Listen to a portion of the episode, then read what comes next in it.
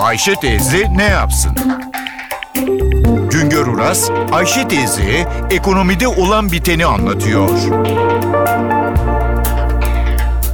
Merhaba sayın dinleyenler, merhaba Ayşe Hanım teyze, merhaba Ali Rıza Bey amca. Mayıs ayında cari açık 3,5 milyar dolar oldu.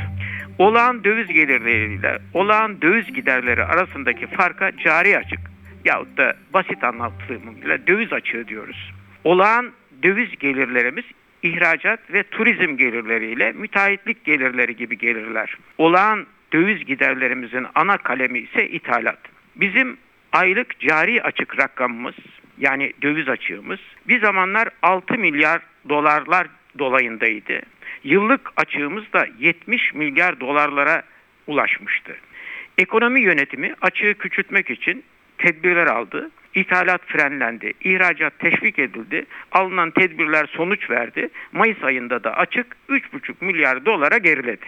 Mayıs'tan geriye dönelim. 12 aylık açık 52 milyar dolar oldu.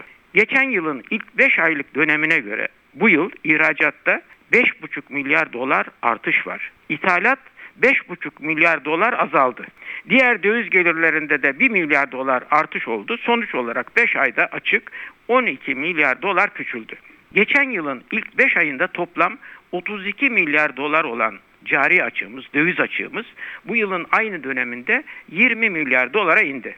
Bizim cari açığımızın, döviz açığımızın arkasında dış ticaret açığı var. İthalat artınca ihracat yapamayınca açık büyüyor. Cari açığın nasıl oluştuğu kadar bu açığın nasıl kapandığı da önemlidir. Açığı kapatan döviz bir sermaye hareketi ile bilinen kanallardan yurda girer. İki, nereden geldiği belli olmayan kanallardan yurda girer ve aynı kanaldan yurttan çıkar. Geçen yılın ilk 5 ayında açık 32 milyar dolar iken sermaye hareketiyle ülkeye açığın çok çok üzerinde 45 milyar dolar döviz girmişti. Bu yıl açık 19 milyar dolara geriledi ama sermaye hareketiyle döviz girişi açıktan daha az oldu. 12 milyar dolar döviz girdi. İmdada nereden geldiği belli olmayan döviz yetişti. 5 ayda ülkeye nereden geldiği belli olmayan kaynaklardan 7 milyar dolara yakın döviz girdi. Geçen yılın aynı döneminde ise ülkeden nereye gittiği belli olmayan kaynaklara 3 milyar dolar döviz çıkışı olmuştu.